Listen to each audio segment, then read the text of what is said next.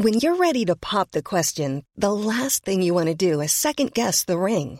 At Bluenile.com, you can design a one of a kind ring with the ease and convenience of shopping online. Choose your diamond and setting. When you find the one, you'll get it delivered right to your door. Go to Bluenile.com and use promo code LISTEN to get $50 off your purchase of $500 or more. That's code LISTEN at Bluenile.com for $50 off your purchase. Bluenile.com code LISTEN. There's never been a faster or easier way to start your weight loss journey than with PlushCare. PlushCare accepts most insurance plans and gives you online access to board-certified physicians who can prescribe FDA-approved weight loss medications like Wigovi and Zepbound for those who qualify. Take charge of your health and speak with a board-certified physician about a weight loss plan that's right for you. Get started today at plushcare.com slash weight loss. That's plushcare.com slash weight loss. plushcare.com slash weight loss. Systrarna Elvstrands hästpodd är producerad av Mediahouse by RF. Hej på er allesammans och varmt välkomna till systrarna Elfstrands hästpodd avsnitt 142. Välkomna, välkomna. Jag som pratar nu heter Emma. Och jag heter Anna och det här är podden om oss, våra fyra hästar och stort och smått som händer i ridsporten. Ja, det stämmer bra. Jag har skrivit upp så mycket nu i min mobil inför det här avsnittet för övrigt. Vad bra, jag har bara skrivit upp en veckans Hans. Men sen så, ibland så är det sådär, ibland är jag duktig att skriva upp i telefonen, Mm. ibland så har jag saker i huvudet. Ja. Och egentligen så är det ju kanske bättre att skriva ner det för att Ja. jag är ju sån som blir lite stressad när jag har mycket saker i huvudet. Gillar listor och kalendrar och grejer. Jo. Och nu märks det att jag har varit lite stressig period på grund av att mitt öga håller på att rycker. Ja. Det är så jäkla störande. Nu har det gått typ en vecka med det här ryckandet tror jag. Och jag vet ju att det är så här stresssymptom. Och jag vet inte, jag, jag ser och känner så tydligt hur det håller på och rycker. Och ibland så känner man ju att det rycker i ögat och så tänker man bara men gud vad störigt, det måste synas hur mycket som helst. Och så tittar man sig i spegeln och så syns det ingenting. Nej, jag vet. Men det gör det nu. Alltså hela ögat bara winka, winka. Så det är lite irriterande. Ja. Annars mår jag bra. Tackar som inte frågar men jag berättar det ändå för dig. Alltså jag har ju inte ens hunnit fråga. Nej, jag du vet. drog ju din lilla monolog här innan jag ens hann öppna min käft. Jag, typ. jag, jag vet att du inte har det. Nej.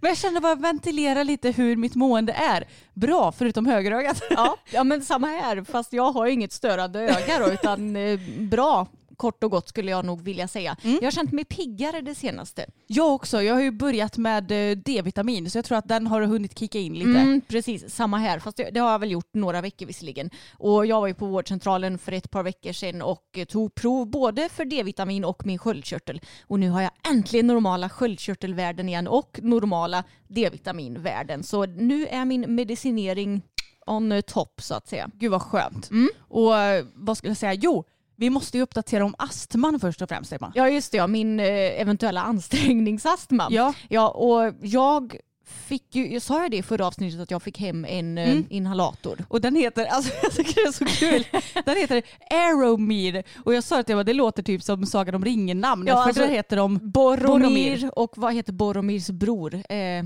Faramir. Och sen har vi den tredje brodern Aeromir som gör det lite lättare att andas. jag tycker det är så. Ja, jag tycker också det är kul.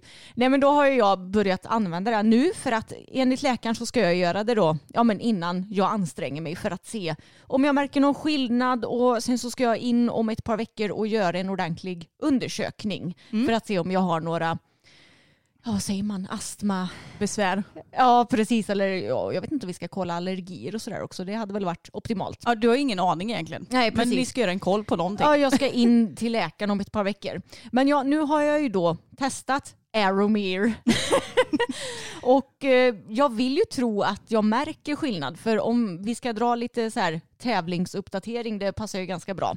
För förra veckan så Nej, för förra veckan blev det, så tävlade jag i Grevagården med Bella. Och då gick jag ju vidare till omhoppning och när jag hade hoppat klart banan så var jag ju helt slut. Alltså det kändes som att jag liksom skulle kolla vippa typ för att jag var så slut och hade svårt för att andas och var helt superflåsig liksom. Men nu den här veckan, så, eller förra veckan blir det ju, så tävlade jag i Alingsås istället med Bella. Och vi kan ju uppdatera lite mer om det sen. Men då hoppade jag en A0. Så det var 10 hinder, 11 språng. Och jag kände mig inte alls lika död när banan var slut utan jag kände mig ja, men mycket piggare och fräschare. Hur många språng var det i Grevagården? Ja, vad blir det? 13 kanske? Ja, för du hoppade kombinationen en gång och det Mm. var 12 hinder eller? Ja. Ja, då blir det 13 språng. Mm. Så det var ju inte jättestor skillnad Nej. på språngmässigt så. Nej, exakt.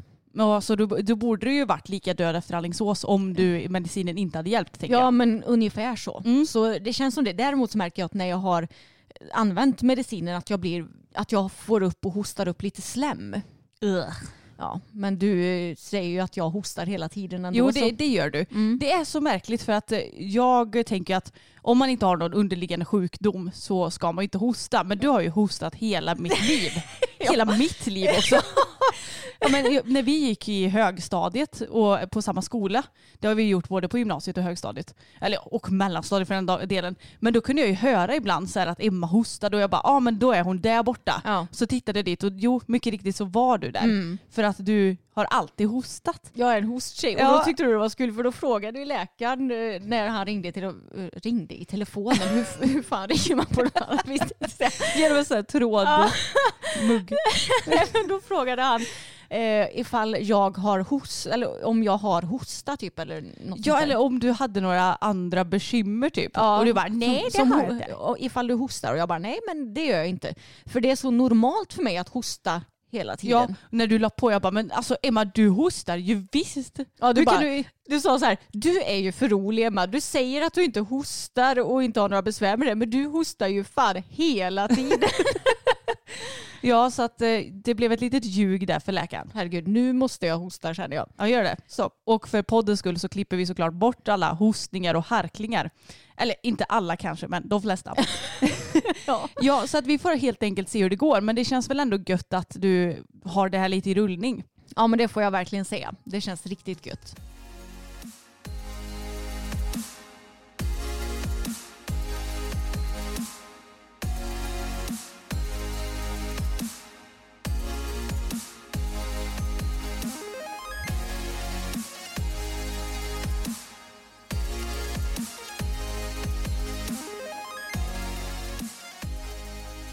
Okej Anna, men ska vi ta och köra vår veck... Man säger ju månatliga, säger man veckatliga? Veckliga, veckoliga.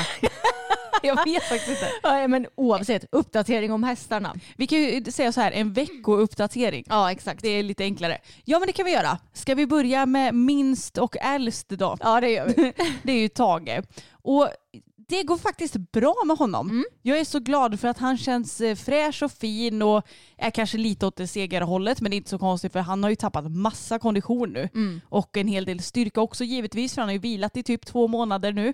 Men vi har ju alltså skrittat igång ett bra tag nu. Och då var han så pigg och glad under de skritturerna och sen så har jag lagt in lite trav regelbundet. Eller regelbundet säger man absolut inte. Successivt. Successivt heter det, tack. så det har känts jättebra verkligen. Och i lördags innan vi skulle åka iväg på din och Bellas tävling så red jag ett pass i paddocken och då passade jag faktiskt på att eh, ta en galopp åt varje håll bara för att ja, men känna av lite.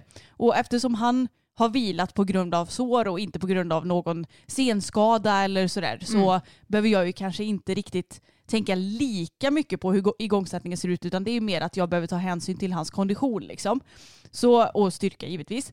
Så jag tog någon galopp i varje varv och det märks väldigt tydligt, speciellt i vänster galopp, att han har tappat mycket styrka. För att där vill han inte samla sig ens en liten sekund innan han bryter av till trav. Utan det blir mest så här fyrtakt och sen så blir det trav och inte i fin balans liksom. Nej.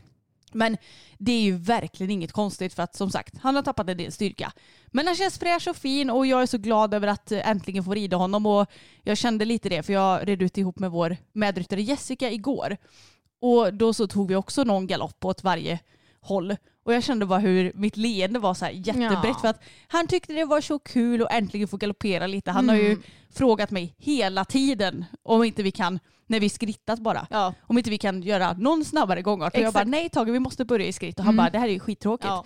Så han är nog väldigt nöjd och glad över att få vara igång lite. Mm. Och min plan är att jag ska rida honom, ja, men, inte varje dag, Nej. men mer än vad jag gör när han är helt igång. För att jag tänker att för konditionens skull så behöver den ju byggas successivt. Mm. Och då är det nog kanske smart att ja, men rida mer än vad vi egentligen gör för att bygga upp det sakteliga. Så. Ja. Men så du tänker kanske fem, sex gånger i veckan eller? Ja, nu under igångsättningen och sen så när han är fullt, ja, Mm. i full kondition, det kanske han aldrig kommer bli, men Nej. i lagom kondition då kommer jag gå ner till fyra gånger i veckan igen. Ja, han är ju trots allt lite halvpensionär these days. Ja, så att eh, jag är så glad och det är nog han också.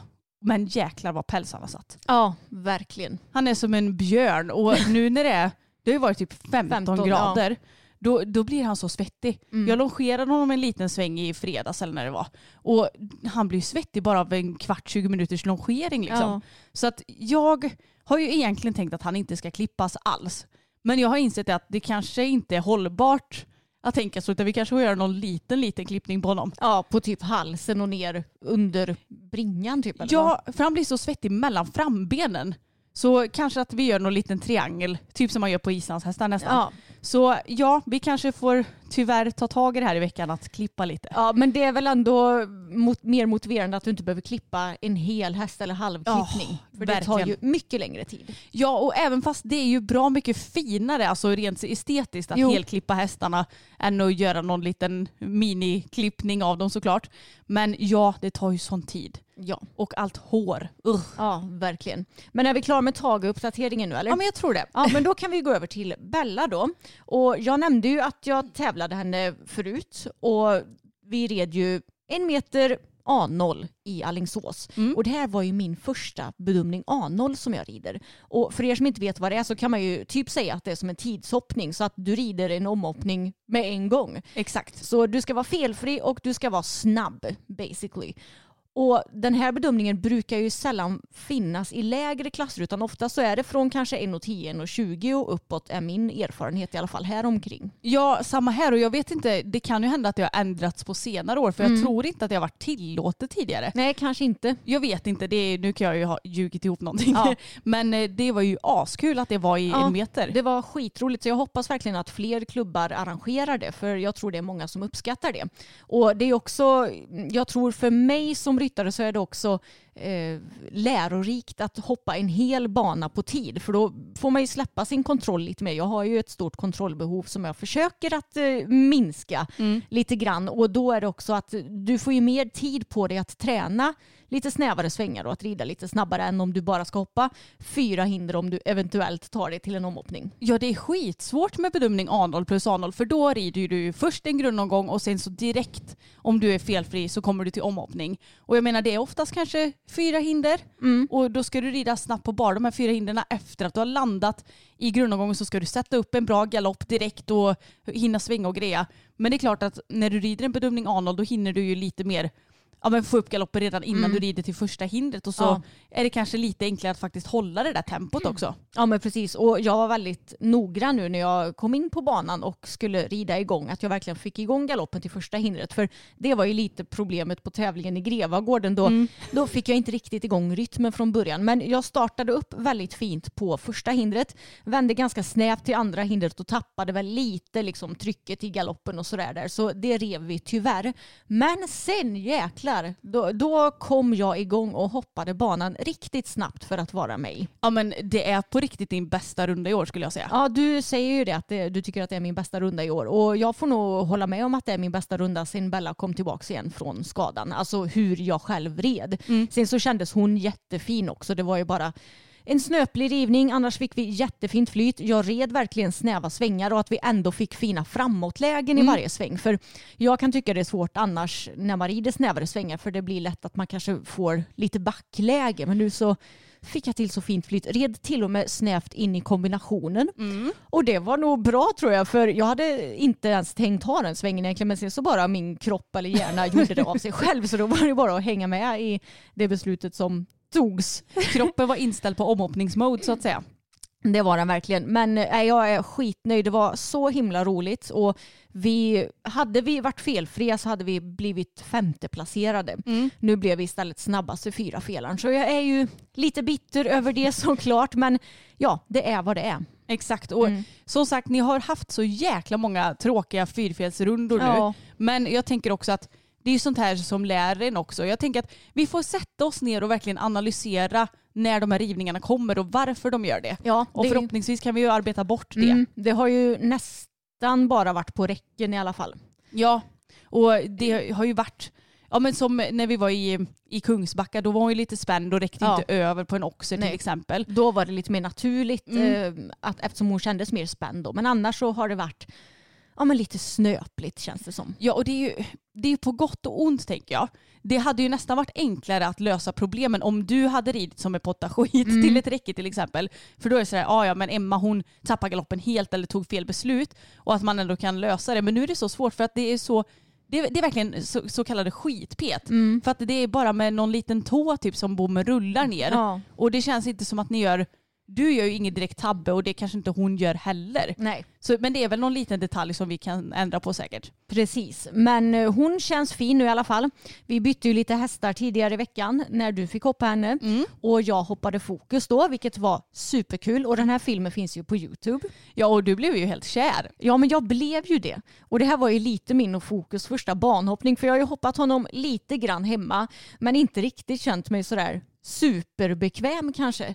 Men nu det senaste så har jag blivit lite modigare och tuffare. Jag har kommit igång så bra i hoppningen känns det som. Min comfort zone har ju ökat där. Det har gått bra med Bella och så vidare. Så nu var jag väldigt sugen på att hoppa fokus och det gick ju skitbra. Vi fick så fint flyt. Han ger en så härlig känsla för han har sånt härligt sug till hindren. Även om han kanske kan vara lite seg i så här svängarna ibland och ibland är det lite svårt att svänga. Så suger han ju alltid tag mot hindren och hoppar så härligt. Ja men verkligen, det märks ju att han är hoppstammad i de tillfällena. Ja. Han suger tag och han eh, hoppar alltid med god teknik oavsett om han kommer i lite sådär snigelgalopp som man kan ju göra i början. Ja. Han är ju lite sån här som behöver komma över första hindret för att det sen ska rulla på lite. Mm. Och det, var ju, det upptäckte ju du att så är, var det verkligen. Ja, men det var inte så farligt som jag trodde ändå. Nej. Utan jag tycker ändå att vi kom igång ganska bra med en gång. Jag tror du hade förvarnat mig så att jag var inställd på att det skulle vara värre än vad det var. Ja men man får lite ha den inställningen att så här, det, första hindret får man bara vara lite Mm. till. Och jag tror att det beror lite på också hur han är mentalt, hur snabb eller långsam han är till första hindret. För Mm. att jag kan säga att många gånger har det varit värre än vad det var Jo. när du hoppade honom. Och då är det nästan lite obagligt att styra på för man känner att man har ingen galopp överhuvudtaget. Mm. Men så vet man att sådär, två språng innan så kommer han suga tag och så hoppar han. Så att Ja. man får bara lita på honom till 100%. Mm. Men det såg skitbra ut och jag är så glad för att alltid när du har hoppat honom så har det ju bara varit gnäll typ om att han är jobbig, han går inte fram och han går, inte att svänga. Och jag känner mig inte bekväm och jag kan inte hänga med i sprången och det, det har liksom bara varit en hel Mm. lista på negativa saker. Men efter den dagen, du sa inte ett enda negativt ord, du bara haha, var Ja. helt eh, guldskimrande nästan. Ja, men jag har blivit så mycket bättre kompis med Fokus ridmässigt nu det senaste. Ja, det, jag tyckte det var bra jobbat. Mm. Och jag hoppade ju Bella också. Och jag hoppade ju henne lite grann i somras när vi fick hem Pebban. Då Mm. red du främst Pebban för att jag kände bara du, du kan ta det där först så tar jag det sen. lite osäker och sådär såklart. Och då var ju hon lite obehaglig att hoppa Bella. Ja. För att jag tyckte att så här, när man la om skänken och såg ett läge där jag behövde ha lite extra galopp så hände det inte så mycket. Nej, men hon var nog inne i en lite sämre period mentalt då kanske. Mm, jag tror det, för att nu, herregud, hon var ju som en katapult. Ja. Det, hon är så rolig för att då skulle jag hoppa, vi hoppade ju inte så långa banor, men då när jag fattade galopp inför att hoppa banan, hon är ju, det är verkligen som skjuter en kanon, bara tjoff iväg i galopp. I världens snabbaste galopp känns det som. Det är du inte van vid med Fokus. Nej, jag bara åh herregud, ja, ja men det, det är typ bara att hänga med i den galoppen. Mm. Och jag skulle säga att till skillnad från Fokus, han blir ju väldigt sällan lång i sin galopp. Mm. För att han har så mycket energi Ja, i... tryck. Ja, exakt. Och det är ju lite, kanske till skillnad från Bella då, lite hennes bekymmer. Ja. Att jag tycker att det är lite, eller bekymmer, det är ju snarare mitt bekymmer. Jag har lite svårt för att känna när jag har den här bra galoppen. Jo. För ibland så blir hon nästan lite för lång istället och ibland så kan hon nästan bli lite för kort. Jag har lite svårt för att hitta det där. Mellanläget. Mm. Men eh, hon var ju helt underbar och vi tog något hinder på en meter och det kändes jättebra. Så nu är jag faktiskt peppad på att tävla henne. Ja, kul. Och jag är ju också sugen på att tävla Fokus. Mm. Och vi har ju fått många kommentarer nu efter att vi la upp den här filmen att kan inte byta hästar med varandra på tävling? Och det är väl ändå planen att vi ska hinna göra det i årarna. Yes, det är det. Vi ska bara anmäla oss också. Men Ja. eh, det ska bli skitkul faktiskt. Mm. Så får vi se hur de beter sig när de åker till eh, samma tävling. Men Vi Bella får... är nog inga bekymmer. Nej, Bella är nog inga bekymmer. Jag tänker att vi får väl försöka se till så att vi startar direkt efter varandra. Ja om det går. Ja, Vi får se. Annars så är det ju bara att köpa läget och Ja. göra det bästa av situationen. exakt. Men det ska bli jätteroligt. Så planen är att vi ska starta varandras hästar i 90 centimeter. Mm. Om ja, knappt en månad blir det ju. Och gud, det- tiden går så fort. Ja, jag känner att jag skulle gärna vilja hinna åka ut på typ eh, ja, men någon öppen bana eller pay and jump innan dess med fokus. Så man ändå får komma iväg och hoppa lite på något annat ställe. Ja men vi får kolla på det. Det borde ju finnas någonstans i närheten där vi kan Ja. komma och hoppa. Så eh, vi får se lite. Men det, ja, jag är peppad i alla fall. Det ska Mm. bli kul. Men i torsdags så var ju vi iväg till Husaby för Pebban skulle på återbesök i och med hennes hovbensfraktur och Fokus han skulle till ekiopat Linnea Strej. Och jag kan ju börja och snacka lite om Fokus då. Ja. Han är ju en väldigt lustig häst för att när jag åker själv med honom så är han ändå sådär att ja men lite orolig men ändå medgörlig. Men åker han med någon annan häst Fy i hela friden säger jag bara vad jobbig han är. Jag och Linnea vi gick in i behandlingsrummet och eh, medan vi gick så höll han ju på att titta lite efter sig om Pebban följde med eller sådär men det gjorde hon ju tyvärr inte till Nej. hans förtret. Kommer in i rummet, huvudet är så högt upp att Linnea säger bara herregud hur stor är den här hästen? Och jag sa han är 1,73 ungefär. Ja, han är inte större bara. Nej. Nej. Det var att eh, adrenalinet är liksom på 100 000 så ja, huvudet kommer upp och han blir ännu större. Och jag kan säga att jag har nog aldrig varit med om en fokus som drar runt på mig så mycket. Jag var som en vante. Behandlingsrummet är ju ändå som en ja men vad ska man säga, väldigt stor box. Ja. En fyrkant. Och man kan stänga till det där rummet, vilket Linnea gjorde som tur var. Ja. För att annars hade han nog dragit med mig ut i gången tror jag. Han var så stressad och Linnea bara okej men vi tar en slickburk så får han eh, någonting att jobba, jobba med, men greja med liksom. Jajamän, jag tar en slickburk, en sån här eh, blå burk som jag håller i. Och han slickar och slickar frenetiskt och biter i den så att jag får ju hålla emot för all kraft. Och så, det här funkar i kanske fem minuter. Men sen så tröttnar fokus totalt. Så då tar han tag i burken och kastar iväg den med tänderna. Det är så jävla typiskt honom. Jag vet. Och jag typ, åh gud, jag, jag skämdes och var så trött på honom på samma gång och kände bara, men för helskotta fokus, vi kommer att träffa Pebban om typ en timme. Ja. Kan du inte bara stå här som en ängel? Nej. Men nej, så till slut när vi hade kämpat med att få honom att stå still och slicka på den där burken och han bara kastade iväg den och puttade på mig och kletade ner väggarna med det här slickstenen.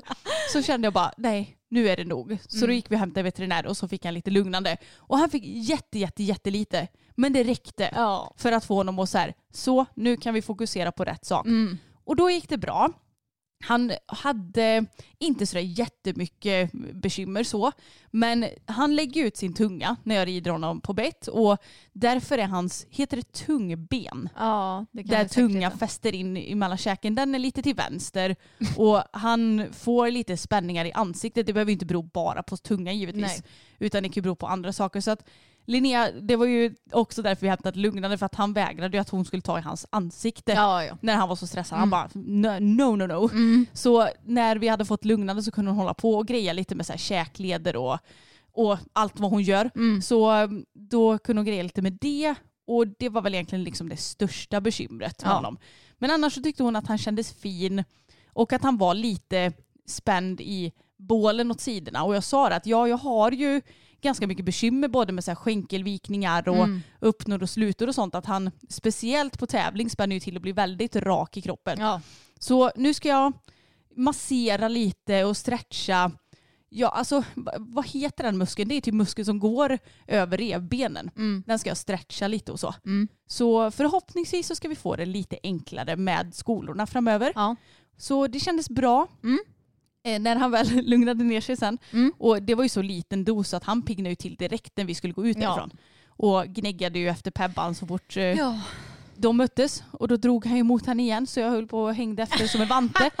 Helt sjukt. Jag kände bara nästa gång vi ska till Husaby, då åker vi nog själva faktiskt. Ja, det är ju lättast så. Det är mycket Ja. enklare om Bella och Pebban går jättebra att Mm. ha med tillsammans för de är så okomplicerade båda två. Bell, det är kul att det är så stor skillnad på Bella och Fokus. Bella älskar ju att vara hos ekiterapeuten. Japp. Hon njuter och det är så skönt medan Fokus han tycker bara det är jobbigt. Ja men han har ju ändå blivit bättre men det är ju ännu bättre när Kristin kan komma hem till oss. Jo. Och det brukar vi ju göra men jag tänkte att eftersom du ändå skulle iväg så kan jag lika gärna ta med fokus. Men jag tror att jag låter någon komma hem till honom istället. Ja, det är nog säkrast så. Det är nog lättast. Ja. Och Pebban då, hon var ju betydligt snällare än vad Fokus var. Jag hade inga som helst problem med henne. Trots att hon har vilat i fyra månader och gått till sin lilla hage så är hon alltid dösnäll i all hantering och så även här.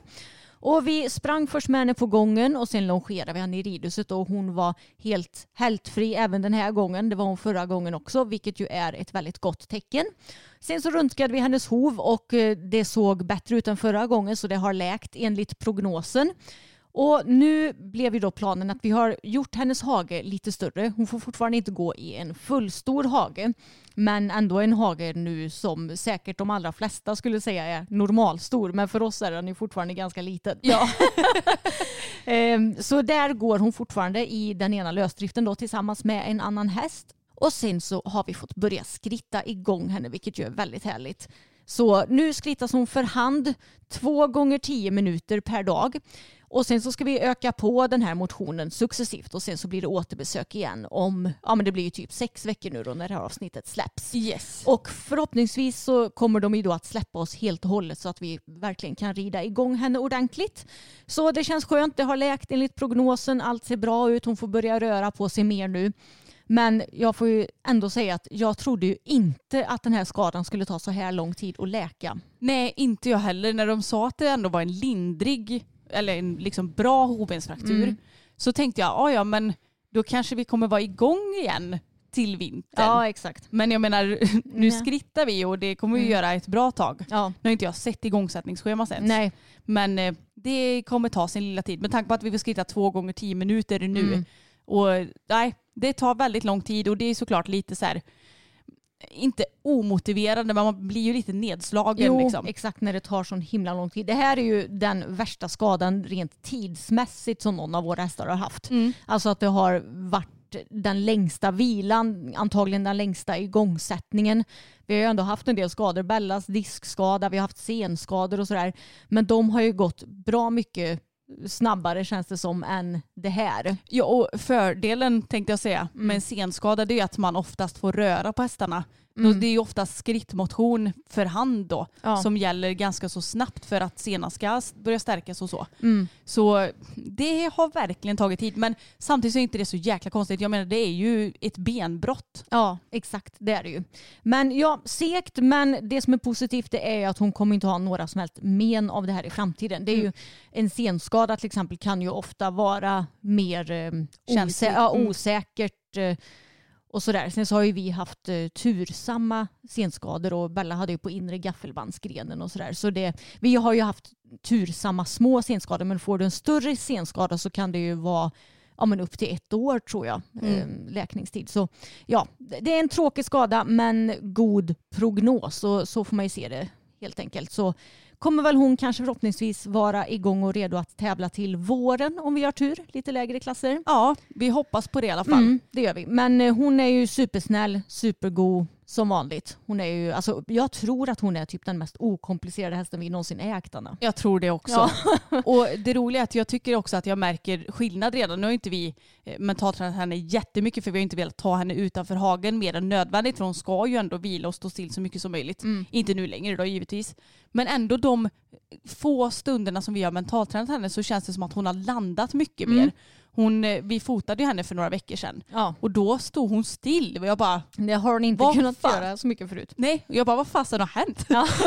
hon är ju sån där så hon, alltså, hon kan inte stå still i en sekund. Hon håller på och grejer med mulen och hon ska vifta med huvudet och hon ska hålla på. Men eh, det känns som att hon har coolat ner sig lite. Ja, Så det är jätte, jättekul att se utvecklingen även om det inte har blivit så mycket av ridmässig utveckling än. nej det kommer nästa år hoppas vi. Ja, jag är så taggad. Jag med. Men det var ju lite kul också för veterinären hon kallade ju Pebban för han. Ja. Och det står även i igångsättningsschemat han. Och då blir jag så här, Alltså jag tycker ju att Pebban är superfeminin Ja. i sin utstrålning och sitt utseende. Jag också. Men vi har ju tydligen två ston då som eh, veterinärer och folk tror är vallacker. Och Bella kan jag förstå för jag kan också tycka att hon ser ut som en vallack och har lite så här. Det är ju ingen tror jag som har sagt hon om henne om de inte har vetat om att hon har varit ett sto utan det är så här han, han, han, han hela tiden. Ja. Men Pebban, nej, alltså jag, jag ser inte hur hon kan eh, se ut som en vallack. Inte jag heller för hon är superfeminin tycker jag. Ja. Men det är också kul för vissa tror att Tage är ett sto. Ja. Det har ju stått i flertalet dressyrprotokoll typ tänk, Tänk på på att hon hon- ska Mm. bla bla. Och jag blir så här, han heter ju ändå Katago. Sen så är inte det alltid så att det är Nej. så. Men det brukar ju oftast vara O är lite mer maskulina namn och så. Ja. I alla fall typ i spanskan väl? Är det inte så? Jo, säkert. Emilio Jo. till exempel. Ja. ja, nej det är väldigt kul det där med eh, hästkön. Jag fattar Ja. att det, det är ju inte lätt. Nej, Fokus är väl den enda av våra hästar som inte har felkönats tror jag. Nej, och jag vet inte, se, han ser kanske verkligen ut som en vallack. Ja men det tycker jag verkligen att Ja, ja, jag med. Och framförallt så är hans personlighet så jäkla mycket vallack. Ja. Lite så här, oj vad du där, oh, Ja. jag bryr mig väl inte. Mm. Typ lite sån. Sån röst hade han haft om han hade Ja, varit en människa. Såklart. Men du, på tal om fokus så måste jag ju bara dra veckans Hans också. För att som sagt så hoppade ju du fokus i onsdags och pappa han kom in och så, han tjatade ju hela tiden. När ska Fokus hopptävla? När ska Fokus hopptävla? Och så har han ju tjatat på mig hur länge som helst att jag Mm. borde tävla honom i hoppning och bla bla bla. Men så sa han när han kom in i huset. Anna, Fokus han hoppar ju som en jädra hjort. Som en hjort. Jag tyckte det var så gulligt. Jag, jag vet inte om man ska se det positivt för hjortar det känns som att de hoppar lite mer med så här sänkt rygg och hängande Och benen typ framben. bakom, Ja. ja, exakt. Ja, så att jag vet inte om hur jag ska tolka det riktigt. Nej. Men ja, han hoppar ju väldigt fint. Det kan jag ju inte säga annat än. Det gör han och snart kommer pappa äntligen få sina önskemål. dröm. Ja. Uppfylld. ja. Och på den tävlingen så måste han ju följa med för då är det ju två stycken personer som ska hoppa. Precis. Hur ska det gå? Tänk om han eh, ghostar då Emma? Ja, just det ja. Det där problemet har ju knappt ens hunnit tänka på än. Nej, gud, jag tror faktiskt om vi båda två åker då får Mm. han se till att ha kissat och ätit Ja. innan så att han är på samma, eller Ja. rätt plats.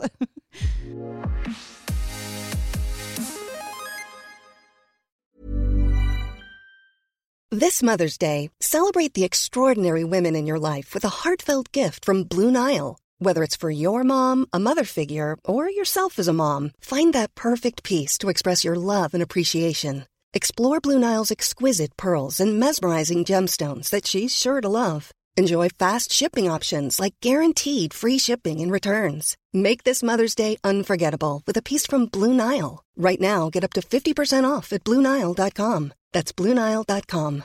This is Paige, the co-host of Giggly Squad, and I want to tell you about a company that I've been loving, Olive and June. Olive and June gives you everything that you need for a salon quality manicure in one box. And if you break it down, it really comes out to $2 a manicure, which is absolutely insane. It's also so easy to get salon worthy nails at home with Olive and June. The difference between how your nails used to look when you did them yourself and now with the Manny system is a complete game changer. The best thing about Olive and June too is it's a quick dry. Dries in about one minute, lasts for five days, and full coverage in up to one to two coats. Visit oliveandjune.com slash perfectmanny20 for 20% off your first system. That's oliveandjune.com slash perfectmanny20 for 20% off your first system.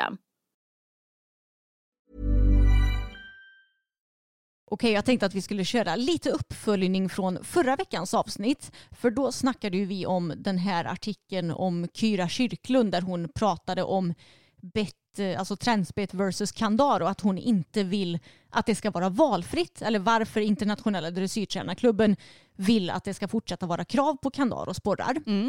Och då sa ju hon i den artikeln att hon tycker att ett sådant beslut ska baseras på vetenskap. Och då sa ju vi att det borde väl ändå finnas forskning på det här med kandar och att det på något vis ska vara kopplat till hästvälfärd. Och nu har jag fått, eller nu har vi fått ett DM från en lyssnare som bekräftar detta. Anna. Spännande. Ja, så jag tänkte att jag skulle läsa upp det DMet. Hej! Kom direkt att tänka på vår föreläsning på Sveriges lantbruksuniversitet där jag pluggar till legitimerad djursjukskötare efter veckans poddavsnitt. Där hade vi en hel dag bara om hästens tänder, anatomi och vanliga sjukdomar och skador i munhålan. Vi hade även en lång föreläsning om betsling och relaterade skador på grund av det. Och hjälp vad skrämmande det var. Det är extremt vanligt med skador i munnen på grund av betsling. Nästan alla hästar har det. Men det som stack ut mest var hur mycket mer skador det var efter att ha använt just Kandar. Veterinären som är specialist i hästodontologi sa att det verkligen inte finns någon positiv grej med det. Allt är baserat på just vetenskap. Det är ju Sveriges lantbruksuniversitet vi pratar om. Med massa referenser till vetenskapliga artiklar. Så att det enligt Kyra inte skulle finnas någon vetenskaplighet bakom att Kandar inte är bra hästvälfärd är inte sant. Superbra podd har ni, lyssnar varje vecka sedan ni började. Åh, vad glada vi blir. Ja. Och eh, det här bekräftar ju ändå det som jag hela tiden har tänkt också. Mm. Att det är klart som tusan att det måste bli fler skador i munnen för att det, är, det tar ju upp större Ja, plats. exakt. Och jag tycker det, det är så märkligt för det här är ju en kunskap som eh, ja, men alla kanske inte vet det här men man borde ju ändå ha sunt förnuft och förstå att det borde vara så här. Och då tänker jag att tycker inte Kyra och internationella dressyrtränarklubben att eh, hästens munhälsa är kopplat till hästvälfärd då? Ja, det är ju konstigt för jag menar det är det ju i allra högsta grad.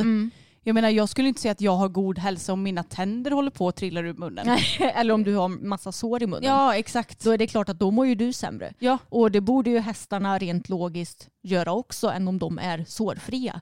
Och jag menar om jag tar Bella som exempel. Hon är en häst som väldigt lätt får sår i munnen och när vi köpte henne så hade vi lite bekymmer med att hon lätt fick eh, ja, men sår eh, och bett, säger man, bettförslitningar. Ja. Ja, och då blev ju vi rekommenderade att rida mer på bettlöst och nu rider jag ju henne på bettlöst oftast tre gånger i veckan för att jag rider på bettlöst varje gång jag rider ut. Och hon har ju aldrig varit så fin i munnen som när vi började göra det. Nej. Så jag menar nu rider jag på ett ja, men, tunt, lätt, ergonomiskt eh, fagerbett när jag rider henne. Och sen så rider jag henne på bettlöst och hon har både fått eh, mycket mindre spänningar i nacken och hon har aldrig några sår i munnen längre. Nej. Så jag menar det är också bara ett bevis på att även ett vanligt bett påverkar ju hästens munhälsa. Så tänk då vad ett dubbelt bett borde göra. Ja, jag tänker lite det också. Och jag tänker att det är vår skyldighet som hästägare att se till att ja, men dels kolla upp tänderna på hästen varje år såklart. Men också att försöka göra det så himla bra som möjligt som vi bara kan. Och jag rider ju också mycket på bettlöst på både Tage och Fokus för att ja, men underlätta för munnens del. Och sen så är det ju så att ja, men båda de två går ändå bättre på bett än bettlöst. Jag får till det här lilla extra liksom. Jo. Så jag vill ju inte lägga bettet helt på hyllan men det är ändå kul att man kan, eh, kul, det är ändå bra att man kan variera så att det Mm. underlättar för hästarna. Verkligen och det är ju planen att vi ska göra med Pebban också sen när hon kommer igång. Mm. Och det är något som är viktigt eh, för oss när det kommer till just våra hästars hälsa. Att Mm. man har bra koll på munnen och varierar. Men det är också det här som jag tycker är så konstigt med att det här anti-bettlöst i dressyr. Alltså att det skulle finnas så här dressyr specifika klasser där man kan rida på bettlöst och sånt. Mm. Jag tycker också det är så konstigt att det inte går att ordna på något sätt så att de kan tävla mot, alltså så att bettlöst kan tävla mot bett. Mm. Och av den här anledningen att det finns forskning på att just kandar, ja, inte är så bra för hästarnas munnar. Ja. Kan man inte då lägga lite extra krut på att faktiskt få bettlöst att gå igenom i dressyren? ja, exakt. Så att, eh, ja, men det blir ju egentligen då att alla tävlar på samma villkor för att du rider med det som din häst går bäst på rent krasst. Exakt, det borde inte vara så jäkla svårt kan man tycka. Nej, och så kör vi ännu lite mer uppdatering från förra veckan. Mhm. För då pratade jag om att Ermindo är såld, Mm. det vill säga Roffes före detta bästa häst. Och Roffe han har snackat om det här eh, med Hipson så jag tänkte att jag läser lite ur den artikeln för där har han pratat mer om försäljningen. När det gäller Ermindo V så har vi varit två som ägt honom de senaste åren. Rosmarie Karlsson har ägt honom sedan unghäståren. Vi köpte hälften 2016 efter att Victoria Almgren ridit honom under de första åren. Ermindo V har gett mig många fina upplevelser, till exempel SM-segern i Falsterbo. Han har gett så mycket, allt från att ha varit reserv i Tokyo 2021 och på VM i Härning 2022 till EM-start 2021 och inte minst vinst i Nations Cup Spruce Meadows nu som avslutning. Vad är det som har fällt avgörandet att sälja nu? Planen har varit att så småningom sälja honom och nu är han i rätt ålder för att säljas. Egentligen har han varit redo i nästan två år, men så kom pandemin i vägen. Vi behövde komma ur pandemin och börja tävla på riktigt med lite frekvens för att visa upp honom. Ska du sälja en hopphäst för de högre klasserna går det inte att vänta hur länge som helst med tanke på åldern. Vem får den stora äran att ta över tyglarna på snyggingen Ermindo V? Köparen vill förbli anonym så här till en början och det respekterar vi naturligtvis. Tids nog när det blir dags för tävlingsstart så kommer det komma fram ändå. Den nya ryttaren kommer att träna lite med mig i början för att lära känna Ermindo V och sen börja tävla. Vi finns med som stöttning. Vem eller vilka tar över första platsen i tävlingsstallet nu? Sukero eller Sut Suchero, jag vet inte riktigt hur man uttalar det. Mm. Eh, Suchero är nästa stjärna. Han gick sin andra 1,60 i Spruce Meadows och gjorde det bra. Han är väldigt lovande. Han hade behövt en kompis som följt med på de stora meetingen för att inte dra hela lasset själv. Vi får se om jag kan få till en häst ytterligare att ha på de större meetingen. Kan hända att någon redan är på väg in i stallet. Okej, men vem är Sukero eller Suchero eller vad det nu heter? Suchero, det är väl skimmen va? Ja, visst är det Mm. skimmen. Mm. Ja men intressant, då får vi se lite vem som kommer att rida Ermindo framöver. Och jag tycker att det är så himla klokt att vilja vara lite anonym för jag kan tänka mig oavsett om man tar över en eh, världsetta-häst eller om man tar över någon som ändå är etablerad Mm. så är det nog jäkligt svårt när man får alla ögon på sig och bara "Åh, hur kommer det här gå? Och, Mm. och sådär. Då är det nog skönt att kunna lära känna hästen lite ja, men anonymt först innan man tar sig ut på tävlingsbanan och gör det lite mer officiellt. Ja, precis. Och det var intressant att höra att eh, ja, men planen ändå hade varit Mm. att han skulle sälja honom nu ett tag men att pandemin stoppade honom och det kanske var bra för efter pandemin har han ju haft stora framgångar med Ermindo så jag kan tänka mig att det säkert var en lönsam affär och det är ju kul att det verkar som att han har någon mer riktigt bra häst på G in i stallet också. Verkligen. Men hur gammal var Ermindo nu då? Jag vill minnas att han var född 2009. 09? Ja, just det.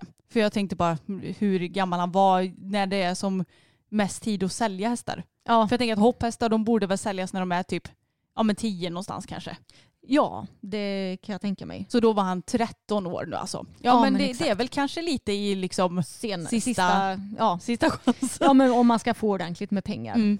Det var ju som när vi köpte Boppen så ville vi ju ändå ha en häst som inte var ung men ändå inte gammal. Och då var han ju 13. Mm. Men då tyckte ju folk att bara, ska ni köpa en så gammal häst? Mm. Men eh, ja, nej det, det är ju en bra ålder att köpa häst i tycker jag. Ja, 13 är inte gammalt. Nej, och det är klart att det beror väl på. Jag menar köper man en, en häst som är helt sönderriden, ja Jo. då är det klart som tusen att 13 är ju jättegammalt. Mm. Men Boppen hade ju väldigt många år kvar att ge.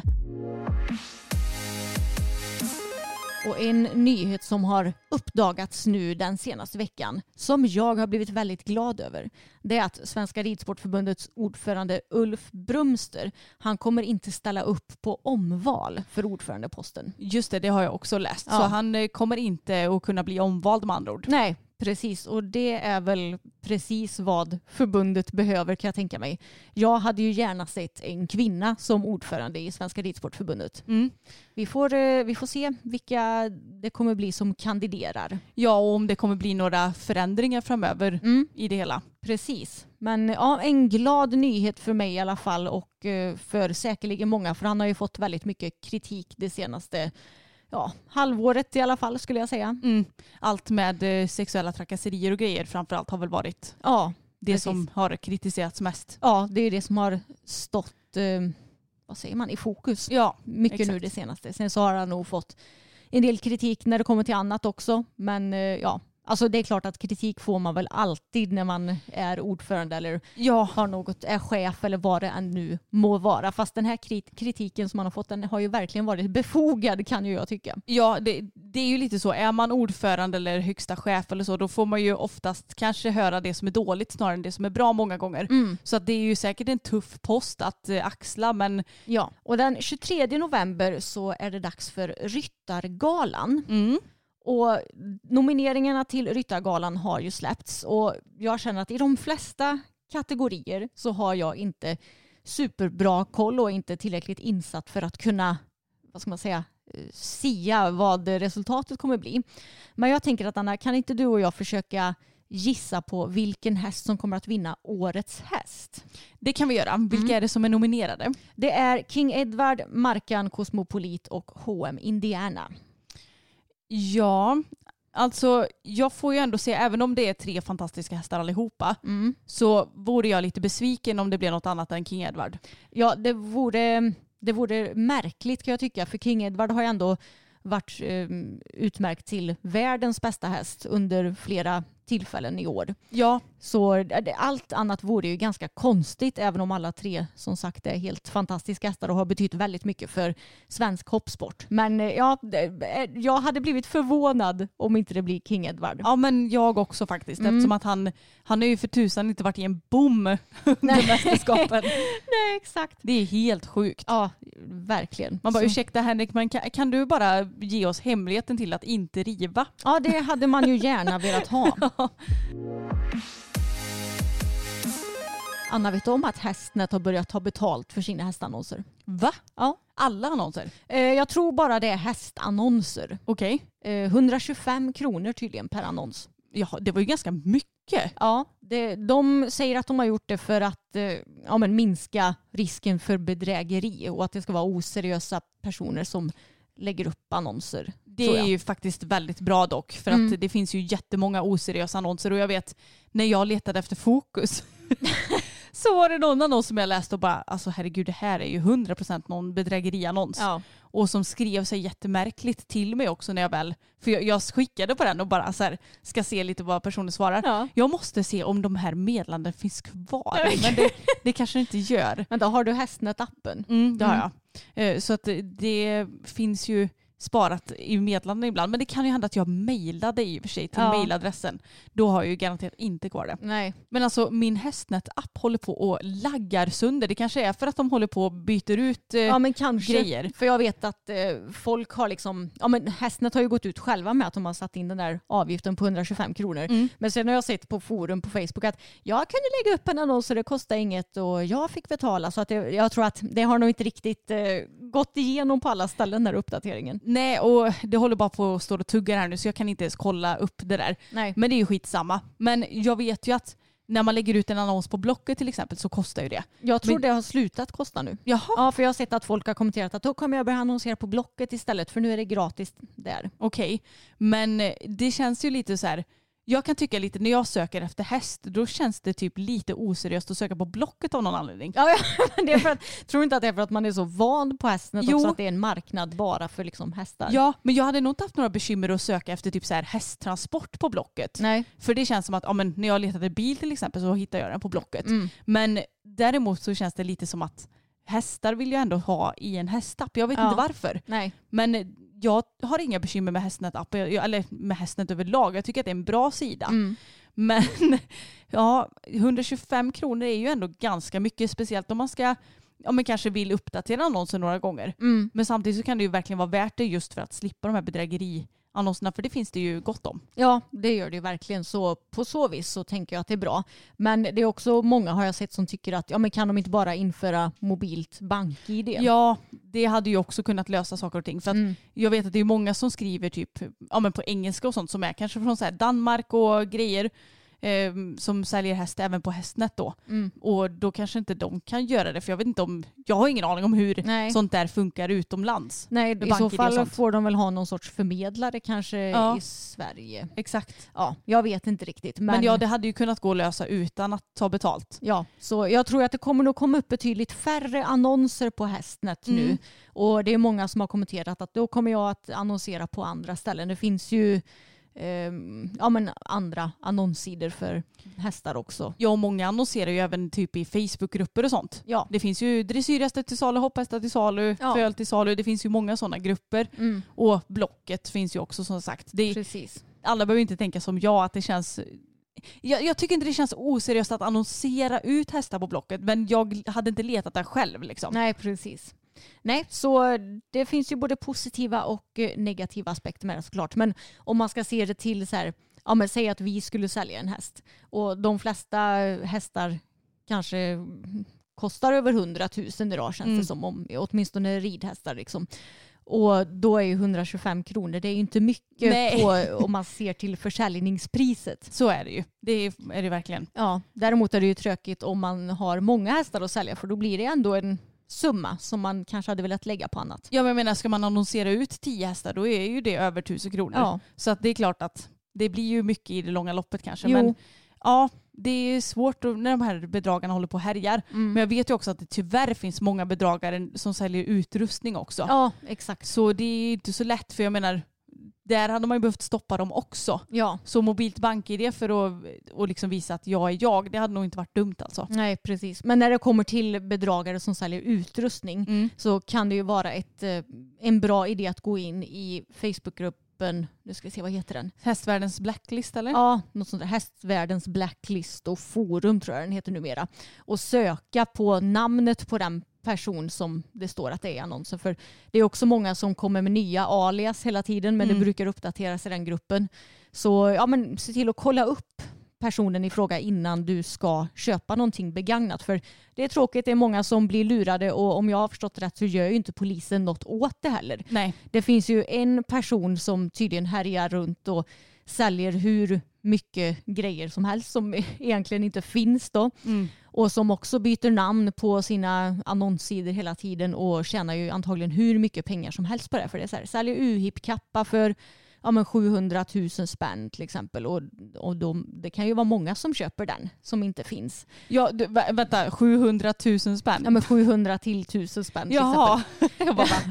Ja, men, och jag vet att det är jättemånga som har poli- polisanmält den här personen men polisen gör ju ingenting åt anmälningarna. Men alltså det är helt sjukt. Jag menar den här personen kan ju då rent krasst leva på de här pengarna Ja, från lurendrejeri. Antagligen så är det ju säkerligen många personer som gör det här. Det är Ja. helt sjukt. Och att man inte gör någonting åt det. Det borde ju vara lika hemskt som att, eh, inte vet jag, råna en bank typ. Ja, Nej inte riktigt men du förstår ändå vad jag menar. ja. Det, är, det är så märkligt Ja. hur sådana här bedrägerier kan fortgå när det är så pass många som anmäler. Eller hur? Och det, jag rekommenderar verkligen att köpa begagnat för att jag menar man sparar pengar och det är bra för miljön och Mm. sådär. Men det är klart att man får ju hålla lite koll på vem man köper utav. Ja exakt och jag fattar de som inte vågar köpa begagnat också. Jag också. Tidningen Ridsport släppte en intressant krönika den 29 oktober som heter Det finns bara odiagnostiserade hästar. Mhm. Och den är skriven av Anna Osén som är en hästföretagare som brinner för en sund och framgångsrik hästbransch med hästens välfärd i centrum. Och jag tänker att jag läser upp eh, krönikan. Den är inte jättelång och sen kan vi diskutera lite. Omöjligt att hitta en felfri femåring. Röntgenapparaterna är alldeles för avancerade nu för tiden, suckade en vän häromdagen. Finns den perfekta, felfria, friska hästen? Svaret på den frågan är lika exakt som svaret på hur långt är ett snöre? Jag brukar hävda att det bara finns odiagnostiserade hästar, för om man letar tillräckligt noga i hela hästkroppen hittar man alltid något. Det mest aktuella exemplet är Markan Cosmopolit som just deltagit i VM-finalen i hoppning. Hur många skulle ha köpt honom som unghäst då han enligt uppgifter i media har kissing spines? Tack vare att han köptes in till ridskolan Strömsholm som en potentiell skolhäst fick han en gedigen grundutbildning och gjorde finfina resultat på sina unghästbedömningar. Utbildningen sköttes av Strömsholms hoppstipendiat och sedan kom han i Jens Fredrikssons kompetenta händer. Tänk om alla hästar fick den chansen, trots en defekt som många gånger lett raka vägen till smörgåspålägg istället för ärevarv efter VM-guld. Jag menar förstås inte att alla hästar ska vinna VM-guld och gå VM-finaler. Men får alla hästar verkligen chansen att utveckla sin fulla potential? Markan Cosmopolit fick det trots sin rygg eller kanske tack vare. Han har fått ett optimalt anpassat program för att kunna prestera på topp. Tänk om alla hästar åtminstone kunde få en riktig grundutbildning. För det föds varken topphästar eller ridskolehästar. Det föds föl. Dessa måste utbildas och formas för att passa in i sin tänkta uppgift. Vissa är specialbegåvningar som Cosmo, andra har sin superkraft i att klara den viktiga uppgiften som ridskolehäst.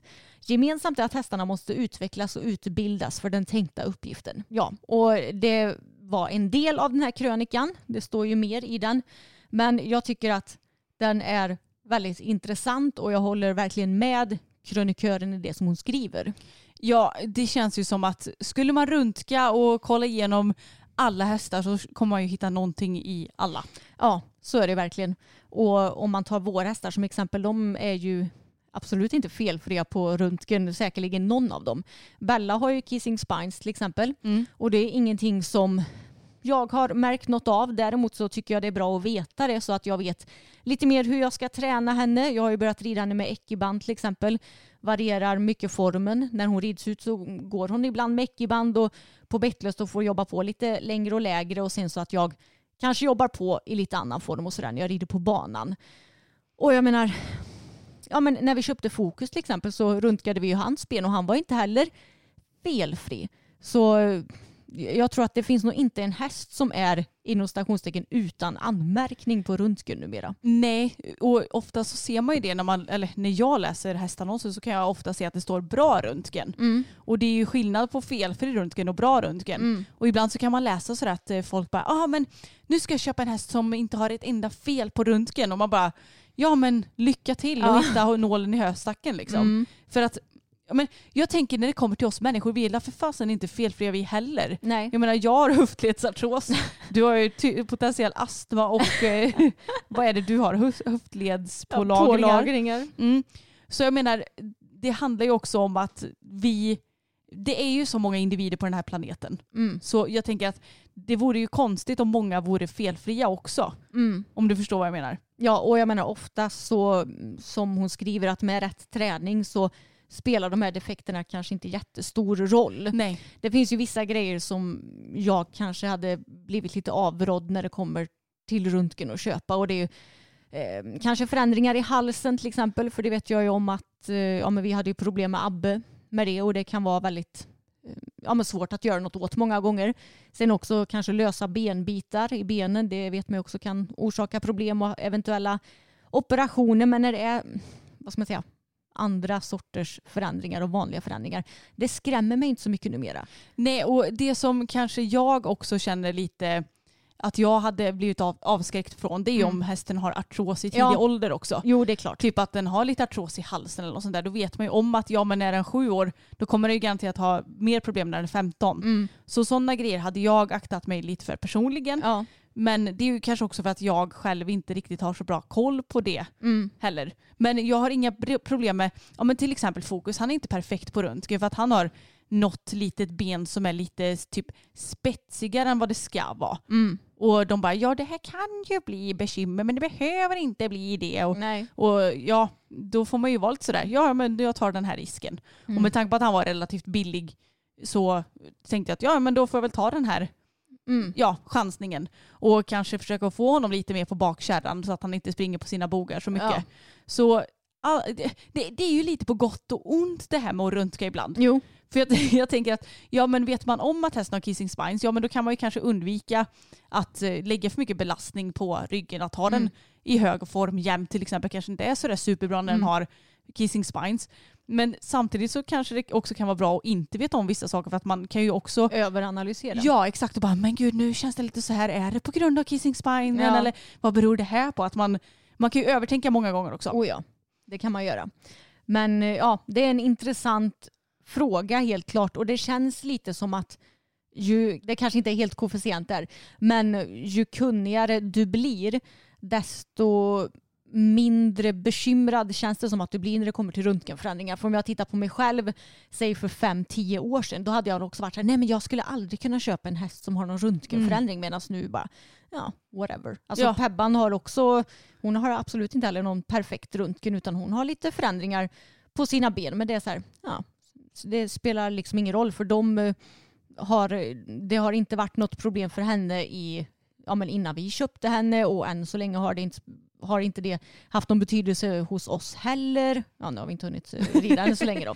Ja, det var ju inte på grund av det som hon fick men kan vi lägga till. Så. Det, det var det ju inte. Nej. Så jag menar, ja, jag har blivit i alla fall mindre brydd om det här med röntgenförändringar helt klart med åren. Ja, men samma här. För man får ju bara försöka att ja, men diskutera de här bekymren med sin veterinär och se om det är värt och, och för alltså rent krast allt handlar ju om en chansning. Ja. Och det spelar ingen roll om jag skulle röntga en häst som var helt felfri. Det är fortfarande en chansning att köpa den. För jag menar, det är ju ingen som ser att den inte kommer gå och bryta benet i hagen. Nej. Då spelar det ingen roll om den har några förändringar eller inte. Nej. Men det är klart att det är ju kanske en liten större risk att det blir någon form av förslitning på en häst som inte har perfekt röntgen. Mm. Men man får ju bara försöka att rida så klokt som möjligt och det är ju någonting som vi försöker att tänka på hela tiden Ja. och försöker att bli bättre på också. Precis. Varierad träning och så bra ridning som du kan utifrån din egna ridförmåga. Mm. Då gör du ju verkligen ditt bästa för att få en hållbar häst. Tänker jag. Exakt.